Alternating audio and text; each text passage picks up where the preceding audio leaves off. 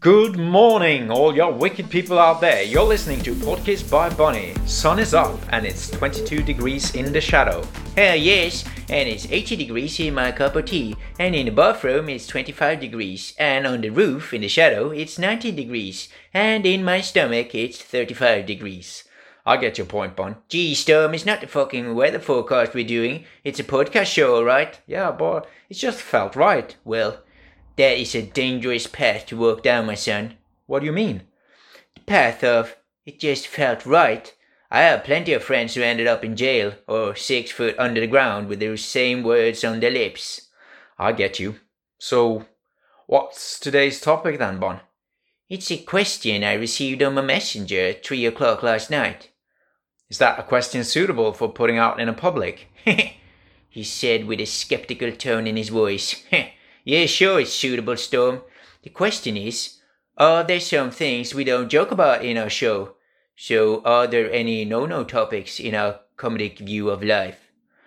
And this is something we have discussed quite a bit. And the answer is Sure, there are things that we find not suitable for making jokes about. For example, if someone is so fat that you need to smash a hole into their house and use a lift to take them out from the house so that they can be able to do their shopping, that is not funny. True. That's just embarrassing. Yeah. Both for the person being lifted out from his bed to do the shopping and for the person that are controlling the lift. We have to draw a line, and this is where we draw it. Around this fat person in the bed. Only challenge is, do we have enough chalk to draw such a big line needed if we're going to make a circle around this human? We are still not heavy sponsored in our podcast, and our resources are limited. Yeah, this is also an issue. Anyways, do you notice anything different with me today, Storm? Hmm. Not sure. Have you combed your ears or? No, I don't comb them. They're pointy like this naturally. Anything else? I don't know. Hmm. You become fatter. Stronger, yeah.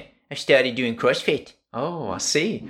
Getting fit for the beach. Yeah, but it's not about looks. CrossFit changed me, Storm. I become a new bunny. I don't look at life the same way ever again. Okay, so what's different, Bonnie? When I look at you, I see 15,000 calories, and when I look at your laptop, it's 3,000 calories. It's energy.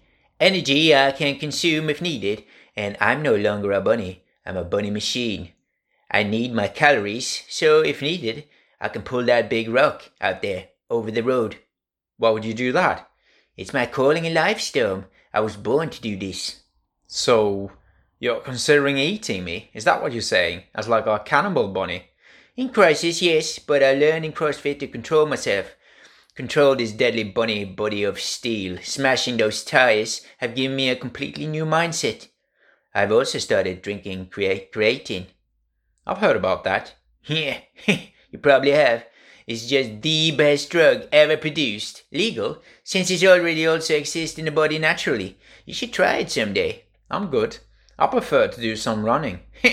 yeah, I guess some people run in life and some people are warriors, not afraid of using a sword if needed. So you have a sword also? No. It's a symbol of my new CrossFit bicep. It's here to protect and serve the country in time of need. That's excellent. So if I say we need to vacuum the floors, your guns are ready to give me a hand? No.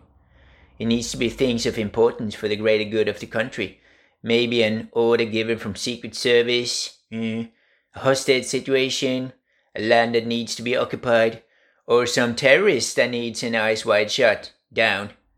So you won't use your muscles unless the Secretary of Defense asks for your service? Yeah, that's correct. Seems like a waste, all this training, and you won't get to use it. I don't see Hulk complaining about the current situation. So you're comparing yourself to Hulk? Yeah, we are the spitting image, except he's green and I'm turquoise. And you're a bunny? Yeah, there is that. So, what is the message to our listeners today, Bon? Train CrossFit, the country needs you. Don't waste your life. Sun is up for a reason.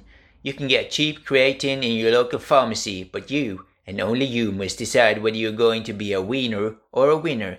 The country asks for brains and muscle power. Do CrossFit now, or it's too late. Hmm, maybe I should start. Too late for you. Too late for me? Yeah. You haven't got the right mindset, Storm, and your arms have no potential. They're too small and skinny. I would like to finish this podcast by saying a slogan we often use when we train CrossFit at my gym. Okay.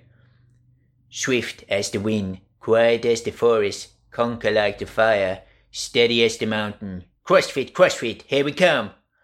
Right. Okay.